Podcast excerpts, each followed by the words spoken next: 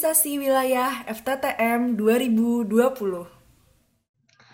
Halo semuanya, uh, kembali lagi ke segmen podcast uh, kali ini yang bertema Project Initiation. Nah, pada tema podcast kali ini kita kehadiran beberapa kakak-kakak yang akan berbagi cerita mereka terkait tema yang satu ini nih. Nah, sebelumnya mulai kali ya kita semua pada kenalan satu sama lain kayak gitu.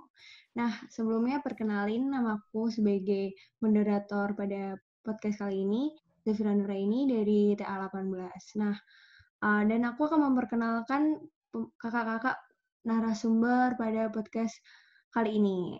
Oke, okay, uh, yang pertama mungkin dari Kak Wira mungkin boleh memperkenalkan diri dulu.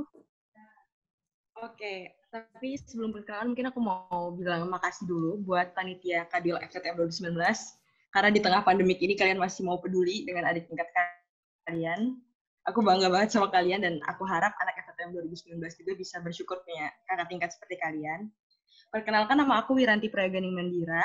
Orang-orang biasa panggil aku Wiran. Uh, aku mahasiswa tingkat akhir semester 8 di Teknik Perminyakan ITB. Doain aja semoga aku cepat lulus dari kampus Gajah ini dan segera dapat kerjaan. di sini sebenarnya aku diminta sharing mengenai project yang lagi aku jalani nanti mungkin bakal aku jelasin lebih lanjutnya. Hmm. Oke, okay, makasih Kak Wira buat perkenalan uh, awalnya ya. Uh, kemudian boleh uh, selanjutnya buat Oda memperkenalkan diri dulu sebagai narasumber kita juga. Oke, okay, halo semuanya. Um, uh, sekali lagi juga mau bilang makasih kepada panitia udah ngundang aku. Uh, jujur mungkin FTI nggak sekeren FTTM ya, jadi kita nggak ada kayak gini-ginian. jadi kayak honestly kayak ya udah nih baru pertama kalinya aku diajak diskusi untuk mengenai hal kayak gini juga oleh fakultas lain. Nah, um, perkenalkan lagi aku Oda. Aku dari Teknik Kimia ITB 2017. Oke, makasih buat kakak-kakak yang udah memperkenalkan diri secara singkat juga. Tapi di sini kita juga pengen nih, uh, sebenarnya kita di sini tuh pada penasaran gitu. kakak kakak-kakak ini tuh datang dari mana kayak gitu. Maksudnya di sini kakak-kakak di sini tuh backgroundnya itu uh, dari mana kayak gitu. Kenapa kok kita bisa mengundang kakak-kakak uh, ini di tema podcast kali ini yaitu Project Initiation. Nah, kira-kira kakak-kakak ini tuh pernah ngikutin atau membuat atau memiliki suatu project apa kayak gitu. Mungkin boleh dikenalin ke kita kayak gitu sebagai awalan. Dan mungkin bisa dimulai dari Kak Wira dulu. Oke, jadi aku di sini sebenarnya diminta sharing mengenai project yang lagi aku jalanin. Namanya tuh Harap-Harap Kecil. Jadi Harap-Harap Kecil ini merupakan sebuah social project, bentukannya berupa platform, tujuannya untuk meningkatkan mental health awareness warga Bandung sendiri melalui berbagai program. Ada program peer counseling, mini discussion, support group, roadshow anti-bullying, dan juga social media campaign. Mungkin ada beberapa orang yang penasaran gitu, kenapa namanya harap-harap kecil sih? Karena, to be honest, aku berdoa semoga platform ini bisa menjadi harapan-harapan, meskipun kecil, yang selalu ada di setiap benak orang-orang yang sedang berjuang melawan stigma penyakit mental di negeri ini. Itu sih kalau dari aku. Oh ya, uh, makasih nih buat Kak Wira yang udah memperkenalkan tentang uh, harap-harap kecilnya ini dan boleh kali ya kalau saya nyebutnya jadi Kak Wira dari harap-harap kecil karena biar oh. terngiang-ngiang terus. dan selanjutnya uh, boleh buat Kak Oda memperkenalkan dari mana nih Kak Oda kayak gitu. Silahkan Kak Oda. Oke, halo semuanya lagi. Jadi aku ada dan aku kali ini diminta sharing juga sama kayak Kak Wira mengenai social project yang aku inisiasi.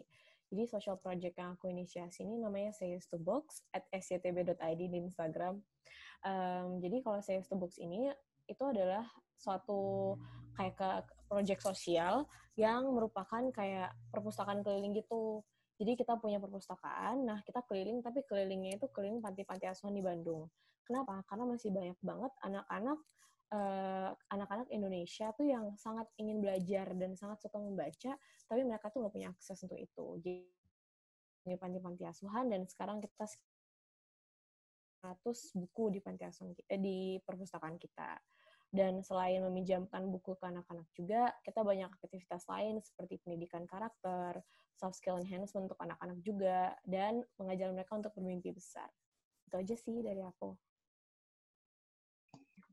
Wah, makasih buat Kak Oda dan juga Kak Wira yang udah memperkenalkan tentang uh, lembaga atau mungkin apa ya bisa nyebutnya? Lembaga mungkin ya. Uh, lembaga masing-masing yang udah dibentuk gitu dan keren banget sih ada harap-harap kecil sama say yes to book say yes to book ya bener nggak kak udah bener, uh, bener, bener. bener ya. Keren banget sih maksudnya kayak ini suatu langkah dari seorang mahasiswa keluarga gitu loh kayak termasuk masih jarang sih sebenarnya nah uh, di sini kan kita masih termasuk masih ini ya agak jarang gitu waktu ngedengarnya ini. Nah, kira-kira boleh nggak uh, kakak-kakak sekalian tuh berbagi juga tentang pengalaman dalam merintis uh, project ini kayak gitu. Mungkin latar belakangnya, terus atau idenya itu kenapa pengen buat project ini kayak gitu dan proses inisiasinya tuh seperti apa kayak gitu kok akhirnya tuh berani buat ngebuat si project ini siapa tahu mungkin uh, buat para pendengar podcast ini suatu saat jadi uh, berani gitu gara-gara ngedengerin kakak-kakak ini. Dan boleh ya uh, dimulai dari Kak Oda dulu. Silahkan Kak Oda. Oke, okay, jadi um, sebenarnya quite interesting sih gimana mulai project ini. Jadi kayak aku harus nyeritain background aku sedikit sih. Jadi dulu tuh waktu aku dulu tuh aku SMP SMA di US di Amerika selama empat tahun. Ya kan terus aku balik ke Indonesia um, aku bete banget. Aku nggak suka di Indonesia. Aku kayak ah ngapain? Gue pengen cepet-cepet keluar. So aku apply ke semua universities nggak suka sih. Banyak universities states dan thankfully aku keterima di beberapa universitas aku nah itu tuh aku super happy right nah terus aku juga apply ke ITB jadi kayak waktu itu aku coba di ITB dan ternyata aku masuk juga Nah, one day before aku tuh memutuskan aku mau kuliah ke tetap ke US atau ke ITB, aku ikut. Jadi mama tuh punya sama kayak aku perpustakaan keliling kepatihan asuhan dan aku ikut. Dan di sana tuh aku melihat banget bahwa emang banyak sekali anak-anak yang masih kurang mampu untuk mendapatkan education. Uh, selain education tuh masih banyak banget kesenjangan sosial. Kayak banyak ada beberapa anak yang tunarungu, mereka tuh pintar banget, tapi karena nggak ada akses ke pendidikan yang layak atau nggak ada akses ke infrastruktur yang baik, mereka tuh nggak bisa belajar dengan baik. Padahal mereka baca, mereka senang belajar. Nah, karena beberapa hal kayak gitu, aku jadi kayak, oh, maybe I should stay here, maybe I should go to ITB. Karena mungkin gara dan menurut aku ya, gara-gara pengalaman satu hari itu aku di panti asuhan itu tuh itu membuat aku untuk memutuskan aku ITB dan itu membuat aku membuat uh, itu membuat aku tuh sekarang untuk membuat series to books ini sih sebenarnya. Jadi kepada hobi dan emang gara-gara aku tergerak di bidang education itu. Gitu sih sebenarnya. Kalau misalnya background kenapa aku mau buatnya. Gitu Oke, makasih Kak udah kayak pengalamannya keren banget nih. Karena hobi dan kayak keresahan pribadi ya melihat kondisi di Indonesia jadi akhirnya tergerak gitu. Nah, keren nih bisa jadi suatu apa ya acuan nih buat uh, kita ini sebagai pendengar juga uh, buat lebih berani gitu atas kera, uh, keresahan yang mungkin sering kita alami buat membuat project-project lain kayak gitu. Nah, tapi uh, penasaran juga nih sama Kak Wiran kayak gitu. Gimana nih Kak Wiran buat uh, projectnya? Dan penasaran jadi kenapa nih Kak Wiran mau ngebuat harap-harap kecil ini? Kayak gitu idenya kenapa dan gimana nih Kak proses inisiasinya? Oke silahkan Kak Wiran. Mungkin dari backgroundnya dulu terus prosesnya kali ya. Kalau dari background to be honest, aku sejak SMA menyadari bahwa ada suatu hal yang benar-benar bisa membuat aku bahagia. Dan salah satunya itu adalah ketika aku bisa berbagi dan bermanfaat untuk orang lain. Makanya ketika aku decide kuliah di ITB, aku ikut banyak banget kegiatan volunteer. Jadi kalau misalnya ada organisasi ini ikut, ada oprek volunteer, aku daftar. dari ngebantuin pedagang asongan, ngajar di gunung, terus lagi jadi takjil giver waktu puasa. Aku ikutin semua karena aku ngerasa bahagia ketika aku bisa melakukan itu. Hingga akhirnya ada suatu momen di mana ketika aku daftar volunteer, aku nggak diterima karena katanya kuotanya terbatas. Terus misal aku tertarik nih dengan suatu event yang ada seru nih kegiatan sosialnya, tapi ternyata letaknya jauh. Atau kalau misalnya ada yang dekat, nabrak sama jadwal UTS. Nah, excuse-excuse inilah yang membuat aku sempat jauh dari kegiatan sosial. Dan aku ngerasa aku kosong banget saat itu. Hingga akhirnya di akhir tahun 2019, aku ngerasa kangen juga ya ngelakuin hal-hal kayak gitu. Kira-kira apa yang harus aku lakuin? Kemudian daripada aku capek-capek nyari kira-kira sosial project apa sih yang lagi operate volunteer, apa sih yang kira-kira uh, sesuai jadwalnya sama aku, why don't I just create my own social project gitu kan. Akhirnya dari situlah aku ngerasa kayaknya aku perlu deh ngebuat ini sendiri sehingga aku nggak perlu ribet-ribet lagi. Karena memang kalau dipikir-pikir segala inovasi, inisiasi itu dimulai dari rasa nggak nyaman dan juga keterbatasannya nggak sih? Misalnya ya mungkin kalau kaki kita itu nggak punya batasan kecepatan dan badan kita nggak ada batasan energi, mungkin motor tuh nggak pernah ada. Jadi maksud aku ngomong ini adalah ketika suatu hari kalian menemukan obstacle, nemuin masalah, jangan lari dari masalah itu. Coba cari solusinya atau buat solusinya. Nah, pemikiran itu yang aku harapkan bisa ada di anak-anak FTM 2019 atau pendengar lainnya ketika mereka ingin menjadi inisiator mungkin itu latar belakangnya kenapa aku pengen ngadain sebuah social project. Terus kenapa sih bisa lahir harap-harap kecil ini gitu? Nah, setelah aku berkeinginan untuk membuat social project tadi, aku mikir kira-kira isu apa sih yang bisa aku bawain saat ini. Waktu itu aku cerita lah sama sahabatku namanya Kiki dari Farmasi ITB. Terus karena background kami yang sama-sama sebenarnya tidak sedikit dikelilingi oleh orang-orang yang punya masalah kesehatan mental dan juga hasil analisis kondisi kami yang melihat bahwasannya badan-badan yang inklusif di Bandung yang mengangkat isu kesehatan mental itu cuma sedikit banget dibanding di Jakarta, aku dan Kiki jadi tergerak untuk mengangkat isu ini sebagai isu di proyek sosial kita. Mungkin kayak gitu sih, kalau background-nya kenapa bisa terlahir harap-harap kecil tadi.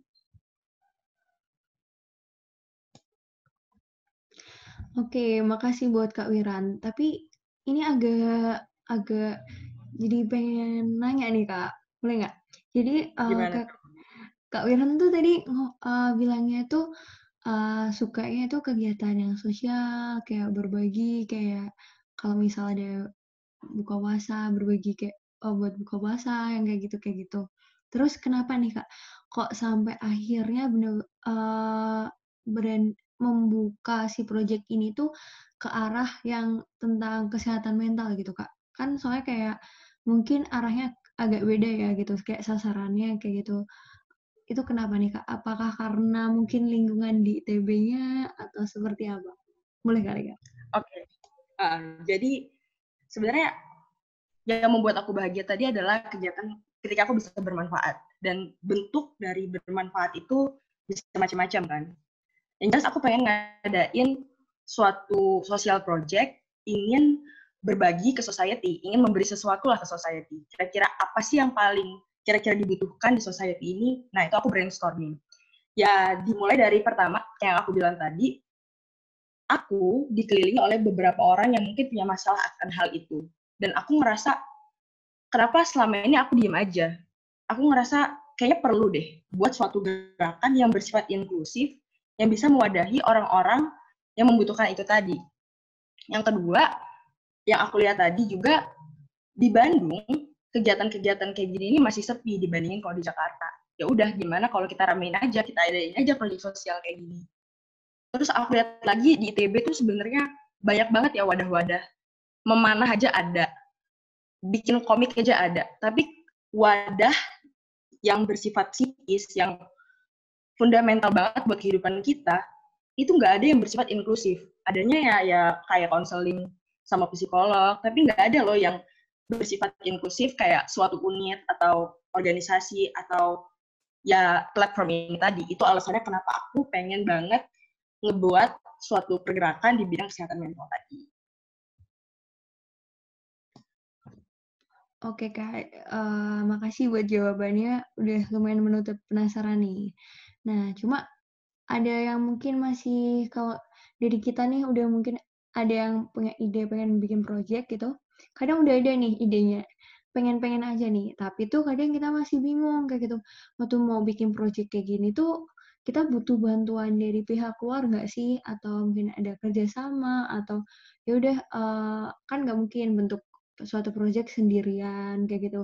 Bikin sosmed kayak cuma bikin sosmed atau apa kayak gimana gitu. Nah ada nggak sih langkah-langkah yang mungkin uh, Kak Wiran ataupun Kak udah lakuin waktu pertama kali bikin project kakak-kakak masing-masing nih? Kayak mungkin kerjasama dan pihak mana atau minta bantuan dengan mana kayak gitu. Dan boleh kali uh, dari Kak Uda dulu? Silahkan Kak Uda Oke, jadi waktu pertama kali aku mau buat series to books ini, um, aku banyak konseling ke mamaku, soalnya yang ngejalanin sebelumnya tuh mamaku. Nah, terus aku juga sempat benchmarking, sempat nanya-nanya ke beberapa um, organisasi per perpustakaan lainnya, kayak Taman Bacaan Pelangi, Bookish Indonesia, beberapa beberapa organisasi yang emang bergerak di bidang pendidikan dan literasi. Jadi, um, aku sempat lah maksudnya ngajak-ngajak ngomong sama mereka juga, mengetahui keresahan mereka juga untuk kayak kayak untuk kayak make sure kayak sebenarnya apa sih yang salah di bidang pendidikan itu? Apakah prasarana-sarananya atau sistemnya segala macam hal yang kayak gitu. Nah setelah aku ngobrol-ngobrol kan berangkat dari hobi juga kan. Setelah aku ngobrol-ngobrol dan aku merasa kayak I'm doing the right thing gitu kan. Aku sebenarnya ngajak temen sih. Aku jujur kemarin ngajak teman aku bilang hey guys aku punya perasaan ini uh, dan ternyata mereka punya perasaan yang sama juga sama kayak aku. Kita ya, cuma bertiga sekarang kita udah bertiga belas. Jadi awalnya itu cuma bertiga. Uh, literally kita ngerjain semua apa apa tuh bertiga dulu. Kayak kita bener-bener kayak ngerjain even programnya sendiri itu kita ngelakuin bertiga. Visit ke tempat pantinya juga bertiga gitu. Nah tapi uh, akhirnya uh, setelah lama-lama karena kita ya maksudnya anak-anak kuliah pasti sibuk banget jadi kita expand timnya kayak gitu. Tapi but then again um, kita in the process of creating developing that team itu kita juga udah harus ada yang namanya visi misi dan kayak um, how do you say it? Like kayak guidelines tentang organisasinya sendiri what do we do gitu. Tapi juga ketika kamu mengerjakan suatu project misalnya kayak ya udah aku mulai ini sebagai suatu perpustakaan keliling kan. Konsep aku tetap itu. Tapi juga bisa jadi kayak ini tuh trial and error juga bisa jadi setahun kemudian keresahan di dunia pendidikan udah bukan enggak itu lagi gitu. Jadi kayak tetap aku harus fleksibel dengan segala changes di bidang yang aku concern itu. Gitu sih sebenarnya. Oke, makasih Kak udah buat ya tentang lika-likunya lah perjuangannya ngebentuk si project Kak Uda ini. Nah, tapi uh, mau tanya nih Kak, buat uh, Kak Uda, butuh waktu berapa lama nih Kak? Dari awal punya ide itu sampai akhirnya detik ini mungkin udah berapa tahun kayak gitu? Boleh kali Kak udah cerita sedikit? Silahkan. Uh, Oke. Okay. Oke, okay, jadi kalau aku tuh udah dari 2018 ya. Jadi 2018 kita mulai, tapi itu cuma sekedar hobi. Jadi kayak kita nggak jarang jarang ngepost di Instagram. Kita kayak cuman ya udah introduction doang, tapi kita kayak ngerjain sendiri gitu sih jatuhnya. Kayak not as aktif karena kita lebih ya udah action aja kerjain sendiri kayak gitu. Nah, sekarang um, sekarang itu udah berapa tahun ya? Udah dua, dua, dua tahun ya, hampir dua tahun. Jadi kayak aku mulainya tuh sekitar September 2018, jadi udah hampir dua tahun. Dan perkembangannya kalau sekarang aku bisa bilang aku udah punya sekitar, jadi kayak saya book sekarang udah punya empat panti binaan di Bandung. Uh, total anak yang udah kita impact itu sekitar 150 anak uh, total buku yang kita punya di perpustakaan juga 800-an buku dan itu full dari donasi dari individu maupun organisasi. Nah, organisasi yang udah kita partner itu ada Gramedia, jadi kita udah dapat buku di Gramedia uh, dan bahkan waktu waktu itu diundang untuk acara openingnya Gramedia. Jadi kita uh, sempat ngasih beberapa kata-kata di Gramedia juga. Terus kita udah partner sama PT Paragon, beberapa organisasi kayak uh, social design dan sekarang juga sempat um, kita udah pernah collab sama beberapa eh sama himpunan juga di ITB. Jadi kayak lumayan sih waktunya. Satu setengah tahun sih aku kira-kira seperti itu. Tapi perkembangan yang cepat bangetnya tuh baru tahun 2019 kemarin sih. Jadi kayak awal-awal 2018 itu masih mencoba untuk memperbaiki tim masih mencoba untuk uh, make sure that what we're doing is right ngekaji ulang lagi tujuan-tujuan kita dan everything like that gitu Oke Kak udah makasih buat jawabannya. Wah lumayan ya, berarti udah hampir dua tahun dan perjalanannya pasti ini keren banget sih. Jadi andaikan ini langsung pasti berasa lebih seru sih. Tapi um, mungkin kita bisa berpindah sebentar ke Kak Wiran. Jadi boleh kali ya Kak Wiran mau tanya-tanya sama mungkin sama Kak Oda. Waktu Kak Wiran itu pertama kali ngebentuk proyek Kak Wiran, harap-harap kecil ini, Kak Wiran nge-guide siapa aja sih mungkin atau ada kerjasama juga kayak uh, Kak Oda yang misal sama Gramedia atau kayak gimana Oke, silahkan Kak Wiran. Oke, jadi bisa dibilang harap-harap kecil ini masih baru banget. Aku mulai inisiasi itu sejak 18 Desember 2019. Jadi baru banget dan kita baru mulai kegiatan juga di awal Januari 2020. Hal pertama, kalau ditanya prosesnya, hal pertama yang aku lakuin adalah tadi aku brainstorming bareng teman aku kira-kira isu apa sih yang harus diangkat. Setelah aku tahu tuh isu apa yang diangkat, selanjutnya aku ajak teman-teman yang juga punya semangatnya sama. Nah, sistemnya waktu itu aku dan teman aku, Kiki tadi, melakukan kayak gerilya gitu. Kita nanya-nanyain siapa sih orang yang kira-kira tertarik dengan isu kesehatan mental juga dan mau berkomitmen untuk proyek sosial ini.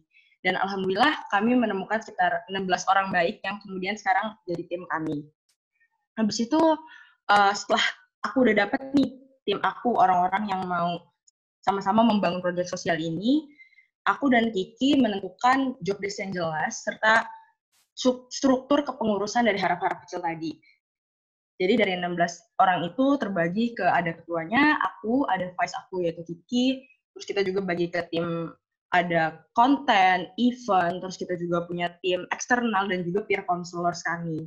Nah, setelah kita udah punya nih job desk job desk yang jelas, selanjutnya kita ngapain sih gitu kan? Selanjutnya kita nge-breakdown detail kegiatannya kita mau ngapain aja.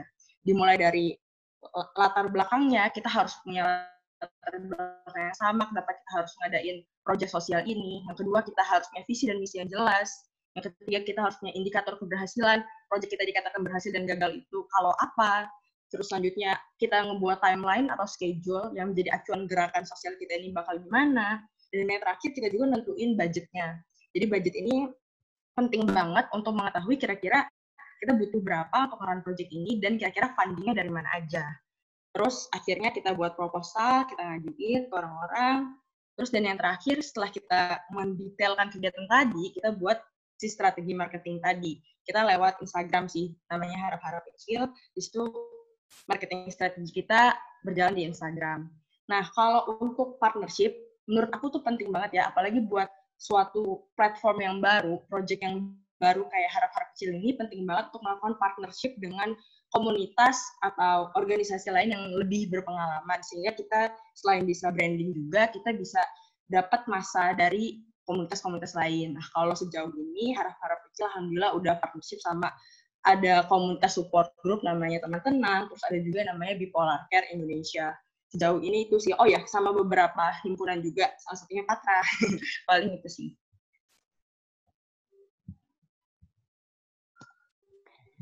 Oke, makasih nih buat Kak Wiran sama Kak Ode yang udah menjawab tentang proses perintisan proyek harap-harap kecil dan juga say yes to book juga nih. Nah, tadi udah dijelasin juga tentang latar belakang idenya, proses inisiasinya juga, gimana awal nemuin ide sampai akhirnya proyek ini berjalan di bulan ini kayak gitu.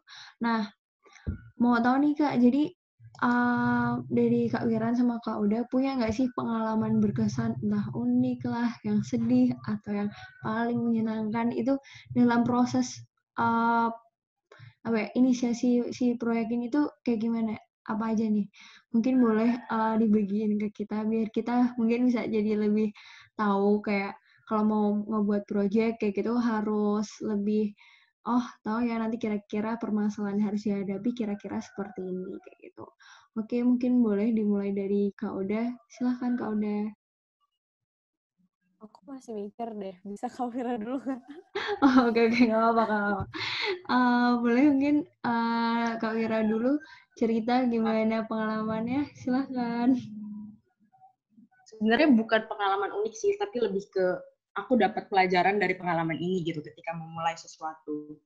Jadi waktu itu kan aku udah setuju nih sama temanku tadi untuk membawa isu kesehatan mental kan. Kita lagi nyari teman-teman yang juga punya minat sama tadi nih. Kita lagi proses mencari, terus tiba-tiba aku dan Kiki dalam waktu yang bersamaan merasa ragu. Apakah aku harus melanjutkan proyek ini atau enggak? Kayak kami di tingkat akhir, harus mikirin skripsi dan lain-lain Terus lagi kita adalah dua anak jurusan ITB teknik yang nggak ngerti apa-apa tentang kesehatan mental, nggak pernah terpapar ilmu-ilmu psikologi sama sekali. Jadi berani-beraninya gitu nggak ada social project yang angkat isu yang bisa dibilang saat ini tuh masih sensitif di negara kita. Waktu itu aku dan Kiki ngerasa banyak banget ketakutan, takut ngebayangin ekspektasi orang-orang terhadap project ini tuh bakal gimana, takut dijudge sok-sokan sama orang lain, banyak banget pikiran-pikiran negatif sampai mikir apakah aku harus beralih nggak ngambil isu ini atau apakah aku harus stop fokus ke skripsi aja. Sampai akhirnya waktu itu ada seseorang ya yang meyakinkan aku dan bilang gini, punya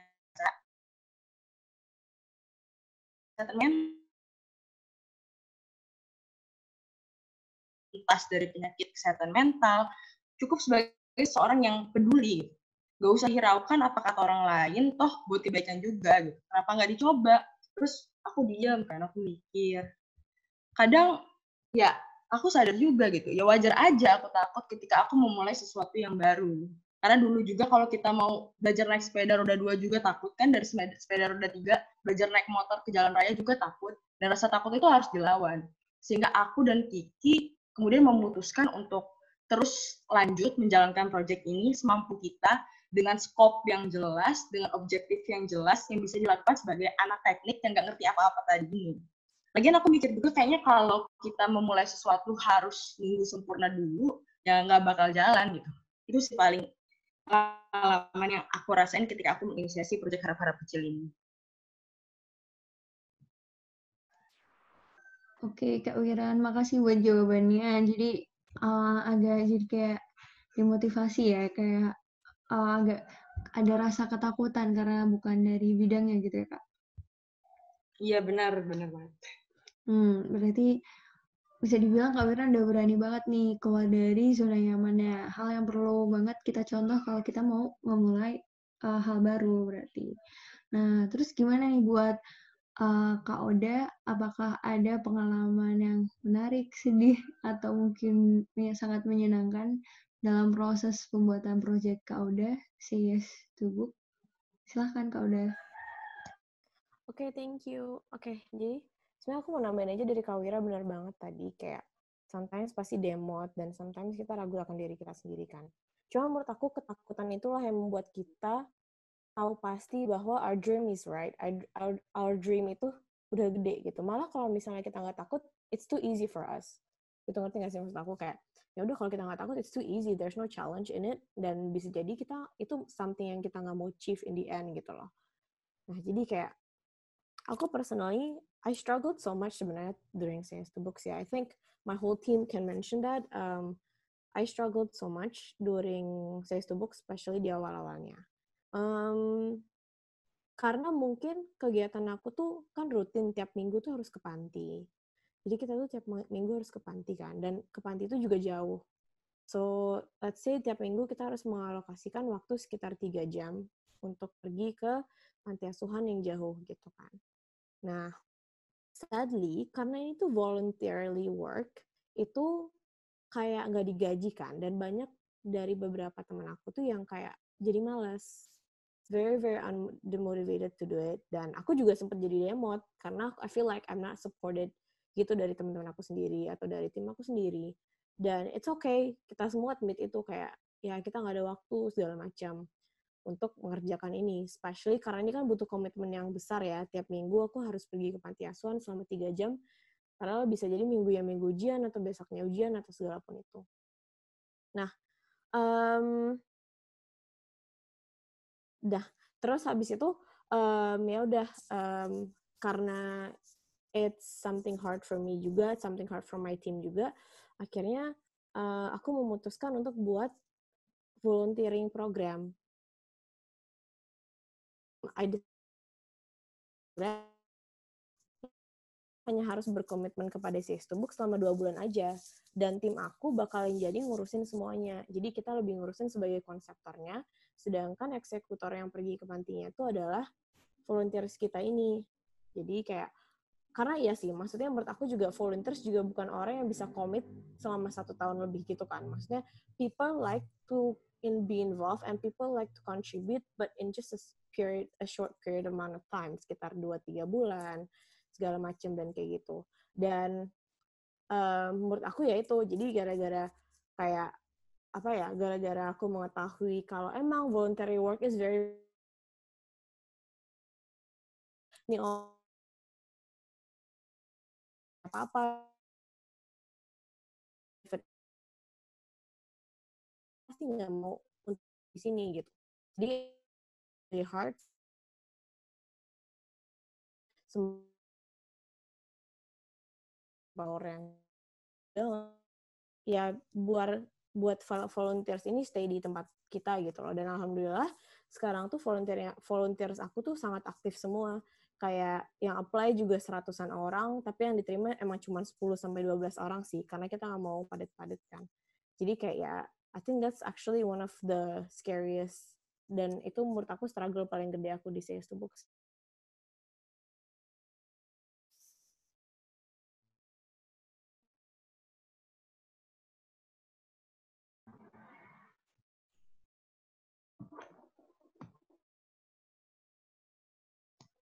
Oke, makasih buat Kak Oda buat jawabannya. Nah, sama ini nih ada agak penasaran nih buat proses uh, nge-recruit si volunteernya itu gimana nih? Apakah lewat kayak Instagramnya si Book atau lewat mungkin promosinya uh, keluar-keluar di daerah daerah Bandung aja, terus uh, persyaratannya atau seperti apa kak? Uh, siapa sih target volunteernya kayak gitu. Oke, silahkan kalau udah. Kayak kalau volunteers aku kan mereka tuh bakal emang jadi executor gitu kan. Terus um, aku tuh uh, oke okay, jadi kalau untuk ngepost segala macamnya, of course aku ngepostnya di Instagram Says to Box. Jadi kita ngepostin Instagram Says to Books, isinya cuma Google Form doang, plus harus ngepost Twibbon. Nah, volunteer semacam apa sih yang saya stubuk cari? Pertama tuh karena ini adalah komitmen yang tiap minggu harus dikerjain, kita tuh nyarinya yang kayak bukan yang sibuk-sibuk banget gitu. Jadi kayak bukan yang sibuk-sibuk banget. Nah, kebanyakan dari mereka ini adalah tingkat satu, tingkat dua. Tingkat satu sih kebanyakan. Especially tingkat satu sekarang ya, apalagi zaman sekarang itu super-super ambis kan. Mereka mau ikut ini itu, ikut ini itu. Dan kita merasa ya udah, they have the passion, they have the time, ya itu. Jadi kayak kebanyakan dari volunteers aku tuh sekarang tingkat satu. Dan itu juga menurut aku benefit ke mereka ya. Soalnya tim kita kan kebanyakan anak-anak tahun ketiga ya. Jadi kita tuh banyak kasih benefit ke mereka juga. Kita buat tutor kimia tutor UTS ini ke mereka kalau mereka butuh gitu sih. Dan untuk uh, dan untuk juga, jadi kan tadi aku bilang struggle aku adalah to keep my volunteers tetap aktif di sini. Jadi salah satu cara yang aku buat uh, biar volunteer tetap aktif itu adalah benefitnya emang aku berusaha banget sih untuk ngasih mereka benefit yang cukup gede. Misalnya, ketika kamu udah volunteer jadi batch satu, let's say kamu volunteer batch satu, tapi sekarang udah volunteer batch dua, tapi kamu bisa masih ikut kegiatan-kegiatan kok di CS2 Books. Kegiatan-kegiatannya ini ada kegiatan ke panti asuhan, ataupun kegiatan kayak seminar dan workshop yang specifically cuma dikasih untuk member CS2 Books. Kayak kemarin, kita sempat ngobrol-ngobrol sama Kanila Tanzil, salah satu eh pendirinya Taman Bacaan Pelangi, dan mereka tuh bisa ikut semacam hal kayak gitu.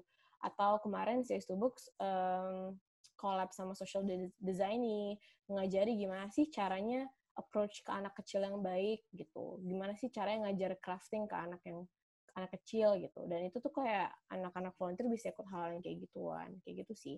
Tapi untuk rekrutmen sendiri, aku lebih cari yang kayak nggak terlalu sibuk, mereka emang lowong, dan mereka emang mempunyai suatu keresahan pendidikan gitu yang dibuktikan oleh saya mereka, kayak gitu. Oke, makasih buat Kak Uda. Lumayan juga ya, jadi uh, volunteer yang dapat, tutornya juga dapat nih. Nah, iya. ini termasuk hal menarik yang perlu diterapkan nih buat menarik anak ITB ikut volunteer. Nah, selanjutnya uh, kita masuk ke sesi pertanyaan selanjutnya. Nah, dalam proses keberjalanan uh, proyek ini, apa sih harapan dari Kak Wira sama Kak Oda buat proyek kakak-kakak masing-masing ini ke depannya kayak gitu? Mungkin uh, boleh dari Kak Wira dulu uh, menjelaskan tentang harapan dari si proyek harap-harap kecil ini ke depannya pengen seperti apa. Apalagi kan mungkin harap-harap kecil masih termasuk proyek yang masih baru banget kan Kak. Nah itu apa nih Kak harapannya? Silahkan Kak Wira. Uh, jadi ini pertanyaannya udah ngapain aja dan harapan atau harapan aja tadi? Sorry, agak sinyalnya jelek. Jadi uh, harapannya kak, uh, sama. Sama ini juga sih. Uh, sekarang udah ngapain aja kayak gitu. Kayak dari udah ngapain aja sama dari yang udah ngapain aja, ke depannya pengen ngapain kayak gitu. Oke, okay, siap. Okay, siap. Jadi untuk harap-harap kecil yang bisa dibilang baru seumur jagung, kita baru banget mulai di awal Januari dan sekarang kita udah tiga bulan. Kita udah cukup banyak ngadain event dan cukup padat. Terus antusiasme orang-orang untuk ikut acara harap-harap kecil juga bisa dibilang cukup baik ya. Saat ini kita udah ngadain tiga kali mini discussion. Jadi mini discussion itu di setiap mini discussion kita ngangkat suatu topik yang akan dibawakan oleh psikolog atau juga penyintas penyakit tersebut biasanya diikutin 35 sampai 40 partisipan. Nah, sejauh ini kita udah pernah ngebahas tentang bipolar, tentang inner beauty class, juga tentang quarter life crisis. Waktu ngadain mini discussion juga, kita gak cuma ngundang psikolog, tapi juga ada penyintasnya, kadang ada influencer-influencer di bidang terkait juga kita undang. Nah, sebenarnya yang paling menyenangkan dari mengadakan mini discussion ini, background dari peserta itu sangat beragam. Jadi gak cuma mahasiswa ITB aja, tapi ada ada Unpad, UPI, UIN, Sunan Gunung Jati, ada Unisba, Telkom, Unikom, macam-macam, semuanya pada tertarik untuk datang. Gak itu juga ternyata ibu rumah tangga, bahkan pekerja umur 30 atau yang 55 tahun juga pada tertarik untuk datang. Biasanya mereka juga datang bawa anaknya untuk ikut diskusi, dan itu cukup satisfying buat aku karena ternyata banyak loh orang-orang yang udah aware dengan isu ini. Kan mungkin selama ini nggak terwadahi aja gitu. Terus yang kedua, kita juga ngadain support group. Jadi support group itu kami sebagai pengurus harap-harap kecil itu memberikan ruang, ruang yang aman untuk orang-orang bisa saling bercerita dan juga saling mendengarkan. Baik itu kisah tragisnya, traumanya, penyesalannya, amarahnya, tanpa harus ngerasa dihakimin. Kalau waktu itu kita ngadain support group, diikutin sama 12 orang dengan satu moderator sebagai psiko dia adalah seorang psikolog orangnya diverse diverse banget ada orang yang OCD ada yang waktu itu ngerasa depressed dan semuanya ngerasa aman untuk cerita di situ tanpa dijudge dan alhamdulillah sampai sekarang relation tadi itu bisa di maintain melalui grup WhatsApp nah itu menjadi kepuasan tersendiri juga buat aku karena event ini bisa dilakukan secara continuous, dijaga hubungannya secara continuous. Terus yang ketiga juga kami udah pernah ngadain roadshow anti bullying. Kalau ini targetnya tuh anak-anak. Jadi kalau kemarin partisipannya dari TK sampai SD kelas 6. Kenapa sih kita concern ke bullying ini? Karena kalau based on research itu anak-anak yang saat mudanya terpapar bullying saat masih kecil dan dia tuh berpotensi memiliki gangguan kesehatan mental di saat mereka dewasa, entah itu berupa depresi atau anxiety. Nah, Makanya kita juga menggalakkan program yang untuk anak-anak tadi. Terus nggak cuma program-program yang secara langsung aja, tapi ada juga yang lewat media sosial. Misalnya Ayo Bercerita. Kalau Ayo Bercerita ini bentukan lain dari nama lain lah dari peer counseling kami. ternyata di ITB, nggak cuma di ITB, di Bandung ini banyak banget orang-orang yang ngerasa nggak ada tempat untuk cerita. Di sini kami memfasilitasi mereka untuk curhat gratis sama anak-anak final year psikolog, yang mana peer counselor kita kami macam-macam dari Unis, Unpad, UPI, UI, UIN Jakarta. Dan alhamdulillah banyak yang tertarik untuk jadi peer counselor dan juga memanfaatkan program ini gitu. Sekitar ada udah 30 orang lah untuk curhat-curhat selama tiga bulan ini. Terus yang terakhir sosial media campaign juga. Sosial media ini yang kami bawain ada ke sharing-sharing cerita penyintas lewat Insta, IGTV ya, terus ada kayak template-template lewat Instastory dan lain-lain. Sebenarnya kalau sejauh ini aku udah bersyukur sih ternyata orang-orang itu banyak loh yang tertarik dengan isu ini. Dan alhamdulillah yang tertarik itu nggak cuma yang anak muda aja, bahkan orang-orang tua juga pada tertarik. Jadi aku senang mendapati fakta bahwa kita nggak seterpuruk itu kok dari segi kesehatan mental, banyak juga yang aware. Terus harapan aku ke depannya sebenarnya kalau dalam jangka pendek ini karena kita lagi vakum, kita pengen ngadain online class karena kita nggak bisa berkegiatan langsung, kita adain semuanya serba online dan salah satunya ada online class semoga bisa segera terjadi dan pada ikutan. Terus yang jangka panjangnya, aku pengen sebenarnya harap-harap kecil ini skopnya nggak cuma di Bandung, tapi juga di seluruh Indonesia. Paling gitu sih harapan aku ke depannya. Oke Kak Wira, makasih banget. Wah, bisa dibilang baru, tapi ternyata langkahnya udah banyak banget ya cara-caranya kayak gitu. Amin. Juga semoga bisa nggak cuma di Bandung, tapi bisa merambah sampai Indonesia kayak gitu. Nah, selanjutnya buat Kak Oda mungkin boleh cerita buat gimana uh, apa aja nih yang udah dilakuin sama Say Yes to Book dan juga harapannya nih buat Say Yes to Book ke depannya. Gimana Kak Oda?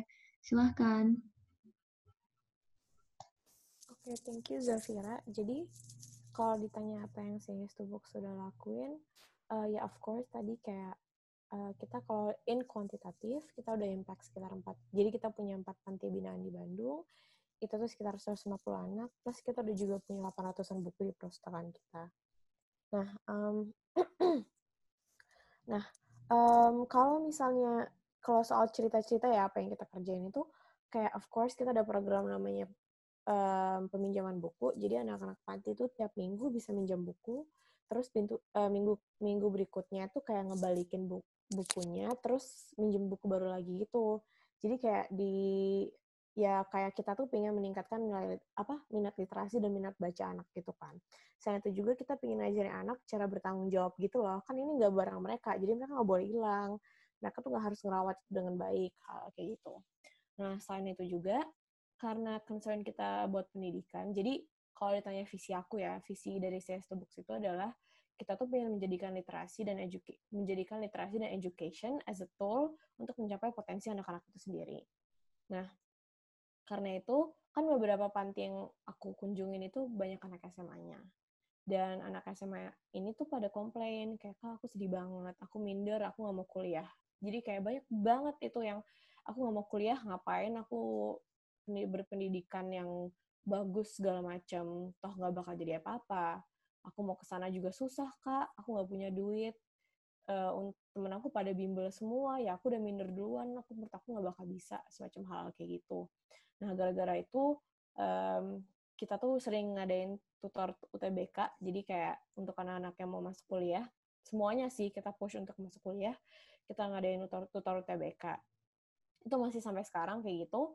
Nah, untuk harapan ke depannya untuk program uh, tutor ini, uh, jadi kita tuh kemarin udah dapat partnership dari akademis.id, kalau tahu. Jadi akademis.id itu adalah sekarang startup startup yang uh, ngebuat kayak online tryout gitu free. Gak, sih sebenarnya bayar untuk siswa-siswa di Indonesia. Sama kayak edukasi sistem gitu sih cuman yang ini dibuat oleh um, ada teman aku juga. Nah jadi kita partnership sama mereka dan uh, most likely anak-anak panti dari panti binaan CS Tubux akan mendapatkan kesempatan untuk tryout dan belajar free dari akademis.id ini jadi harapannya semoga ke depan mereka masih banyak yang lebih terpacu lah untuk belajar lebih dan untuk kuliah sebenarnya. Nah, selain itu juga um, karena kita ngeliat banget nih impact ke anak-anaknya kayak anak-anaknya sekarang lebih mau bermimpi kayak mereka tuh bacanya tuh coba deh bayangin anak-anak SD even kayak ada anak SD di salah satu panti yang aku kunjungin aku tanya kamu mau jadi apa? Waktu kamu uh, besar kan sini anak SD jawabnya kalau aku mau jadi akuntan. Terus aku kayak ah kamu tahu dari mana akuntan? Tahu kak. Yang matematika itu kan aku suka matematika kayak gitu. Cuman kadang-kadang aku nggak tahu mau belajar dari mana. Banyak banget yang kayak gitu banyak banget anak-anak yang bermimpi untuk menjadi seorang yang lebih untuk break out of their circumstances tapi mereka punya akses ke hal-hal yang kayak gitu jadi aku sama uh, tim-tim aku tuh sama volunteers aku juga sering ngobrol sama mereka to tell them that it's okay even buku-buku yang di kita tuh kayak buku-buku perempuan hebat you know semacam hal kayak gitu memotivasi mereka to tell them that it's actually okay to dream big and to follow your dreams gitu. Nah karena impactnya menurut aku udah lumayan gede nih ke anak-anaknya juga dan ya kegiatan kita juga ada pendidikan karakter dan segala macem. Um, harapan aku ke depannya sih sebenarnya kita pengen expand. Nah, expandnya ini uh, sebenarnya udah ada beberapa orang yang nawarin aku untuk expand di beberapa daerah ada yang mau expand di Jatinangor dan seterusnya gitu. Cuman gara-gara ya maksudnya masih gara-gara COVID-19 ini kita belum bisa fokusin ke expand, kita fokusinnya ke um, lebih ke online campaign gitu sih mengenai minat baca. Jadi ntar mungkin bakal ada banyak kayak bedah buku, bakal ada banyak tips belajar gitu loh. Uh, ya semacam hal kayak gitu sih untuk ke depannya. Oke, makasih buat Kak udah buat sharing-sharingnya. Jadi ternyata emang udah ini ya impactnya tuh gede banget buat uh, para pembacanya anak-anak di pantinya kayak gitu sampai udah mempengaruhi ke mimpi-mimpi mereka kayak gitu terus keberanian mereka buat ngelanjutin kuliah dan ini menurut aku sesuatu hal yang bisa dibilang bisa dicontoh sih kayak gitu dan semoga ke depannya harapan dari kakak-kakak ini atas proyek-proyeknya bisa tercapai, amin. Yang uh, Kak Wiran bisa nggak cuma di Bandung, tapi bisa ke Indonesia juga. Buat Kak Oda mungkin bisa semakin meluas juga. Mungkin setelah COVID-nya selesai bisa merambah ke Jatinangor juga. Terus uh, dan bisa terus menyebarkan semangat bermimpi ke anak-anak di panti asuhannya. Nah, selanjutnya, pertanyaan selanjutnya, uh, jadi kita pengen nanya nih kak, uh, ada gimana sih cara bikin project itu dan tools-toolsnya itu apa kayak gitu? Apakah kakak-kakak ini tuh menggunakan tools-tools sendiri kayak gitu untuk ngebuat si project kakak-kakak ini kayak gitu kayak harap-harap kecil sama say yes to work kayak gitu. Nah, mungkin boleh dimulai dari Kak Wiran. Silahkan Kak Wiran. Oke, jadi ini lebih ke tools-tools ya atau step-stepnya juga ya? Ya, benar Kak. Um, sebenarnya macam-macam sih ya, tergantung referensinya apa. Tapi kalau secara umum yang aku pernah baca, kita bisa bagi itu berdasarkan lima web plus satu hanya. Dimulai dari what what is our project. Jadi di bagian what is our project ini kita nentuin pertama isu yang kita bawain apa, latar belakangnya apa. Dalam memilih isu tadi ini kita bisa menggunakan tools yang udah sering kita pelajarin tuh, namanya fishbone diagram kalau kalian masih ingat.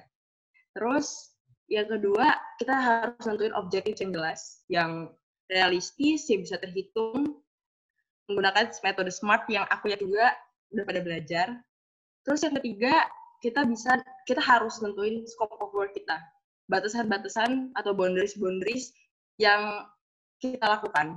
Kayak aku sebagai mahasiswa mungkin nggak bisa melakukan hal sebanyak psikolog di bidang kesehatan mental ini. Jadi kita nentuin batasan-batasan dari proyek kita ini ngapain aja. Itu untuk bagian what. Terus yang kedua itu why why this project must be run. Jadi kalau di bagian ini tuh kita analisis dua hal. Kira-kira benefitnya apa dan resikonya apa? Apakah benefit buat uh, si pengurusnya partisipannya dan juga lingkungannya itu lebih besar dibandingkan resiko yang mungkin terjadi?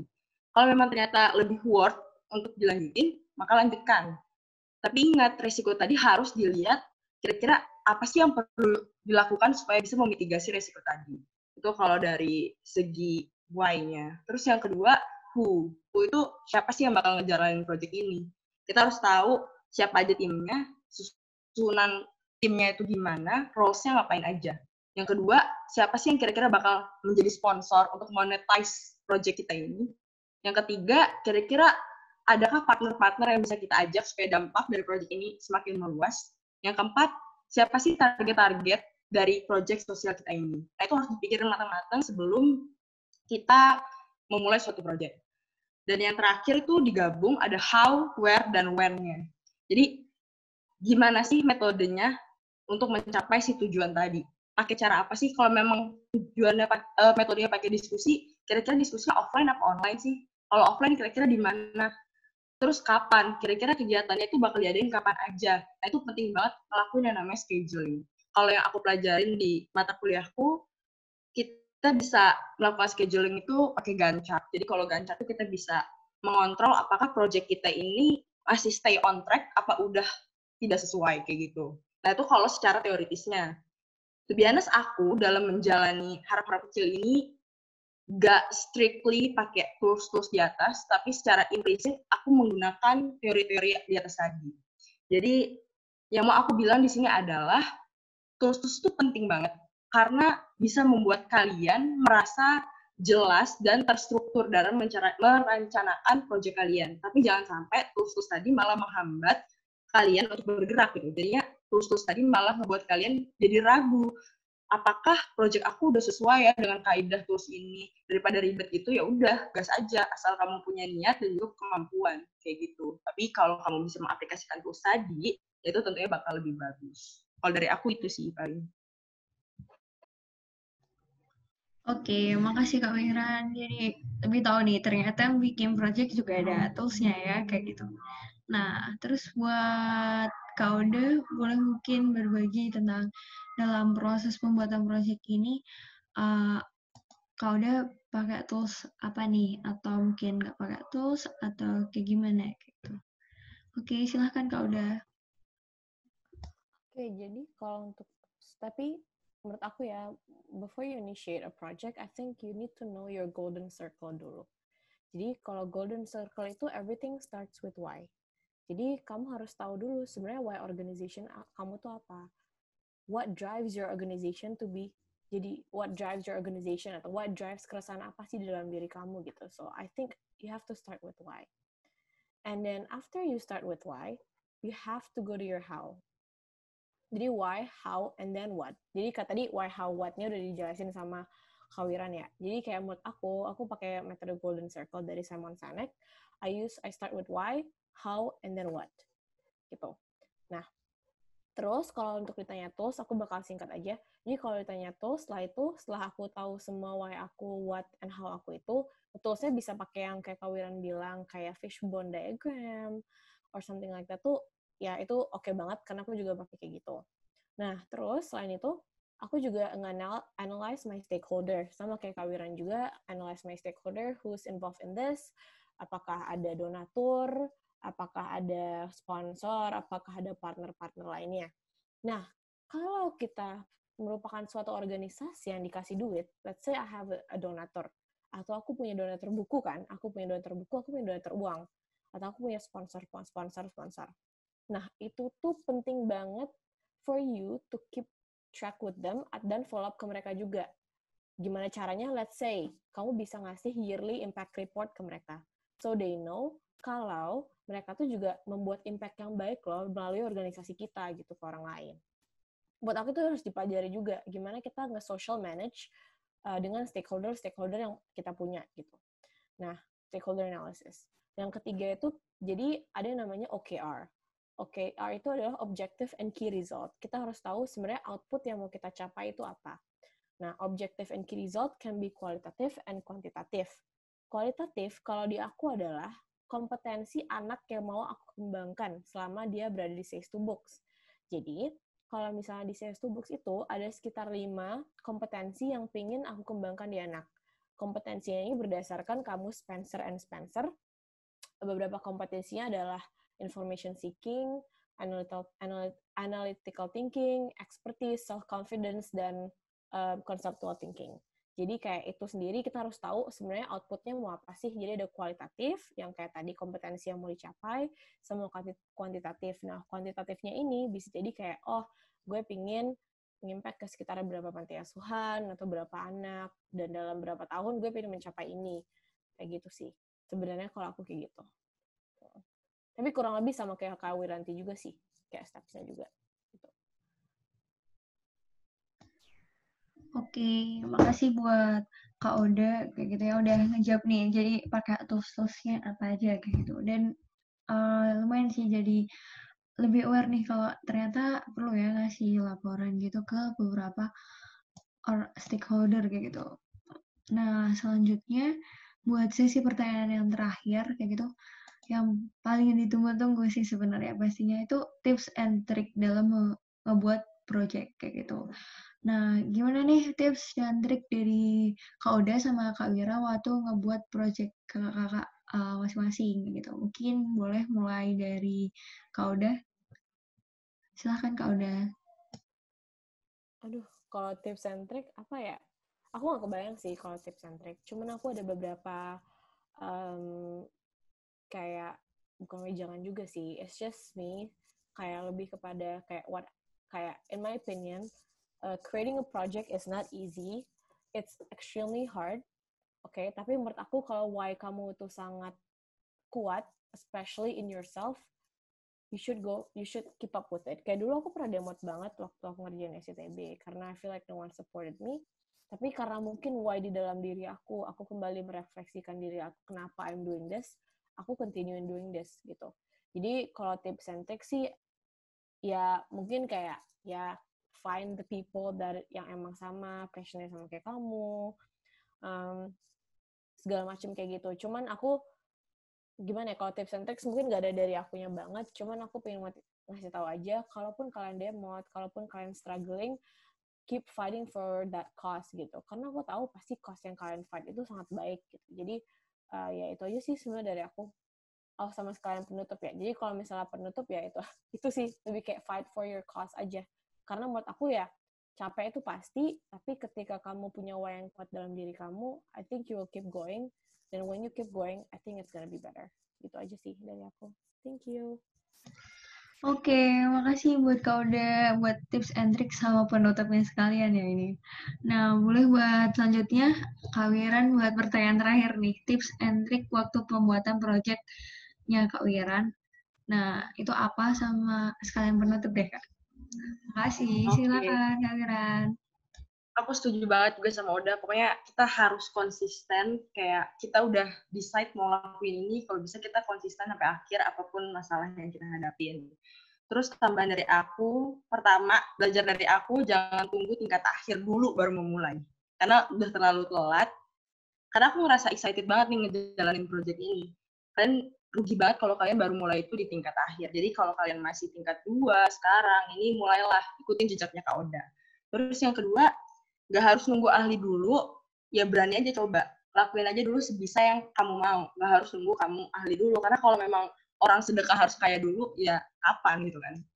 Terus yang ketiga, dalam menjalankan suatu project, beri karakter yang berbeda di project kamu. Sehingga project kamu tuh bisa diingat orang dan banyak yang tertarik sehingga dampak dari project yang kamu jalani juga itu bakal lebih besar. Jadi ketika concepting mau bawa ide apa, kegiatan yang mau ngapain aja itu perlu dipikirin matang-matang.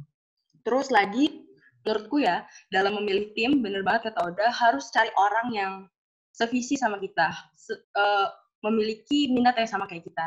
Tapi jangan sampai kalian hanya terfokus ke circle-circle kalian aja karena takut dijudge lah dan lain-lain. Coba cari ke yang lebih luas dia cepat tahu ada orang yang lebih komit, terus lagi punya koneksi yang pas untuk project kalian. Terus yang keempat, berhubungan lagi sama yang Oda bilang, manajemen manusia itu susah. Jadi kita maksa orang untuk melakukan sesuatu yang nggak dibayar, itu agak sulit. Karena kita nggak bisa kasih mereka apa-apa. Jadi dalam menentukan job desk atau roles dari orang-orang yang kalian pilih, baik itu volunteer atau pengurus, make sure kalian juga bikin plan B untuk job desk-job desk tersebut, sehingga proyek kalian bakal tetap jalan meskipun salah satu dari orang kepercayaan kalian itu hilang. Terus yang terakhir, uh, apa ya? Pokoknya jangan pernah berhenti nyoba tadi, bener kayak kata Oda tadi. Terus penutup dari aku, uh, mulai dari sekarang, jangan cuma ikut aja, buat sesuatu, menjadi inisiator. Nah, itu penutup dari aku.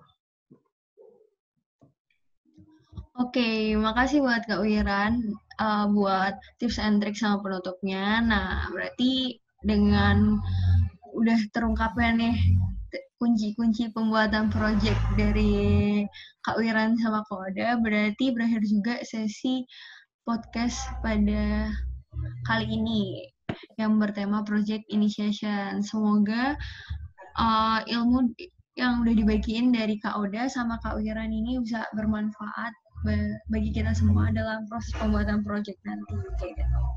Dan sekali lagi uh, saya Zafira Nuraini mewakili Katwil FTTM 2019 mengucapkan banyak terima kasih kepada Kak Oda dan Kak Wiran yang udah menyempatkan waktunya berbagi ilmunya dalam pembuatan project sosial kakak-kakak sekalian nih dan semoga project kakak ini pada lebih sukses lagi nih ke depannya. Oke, makasih Kak. Thank you Oke, okay, thank you Mira. Thank you Da. Thank you TTM.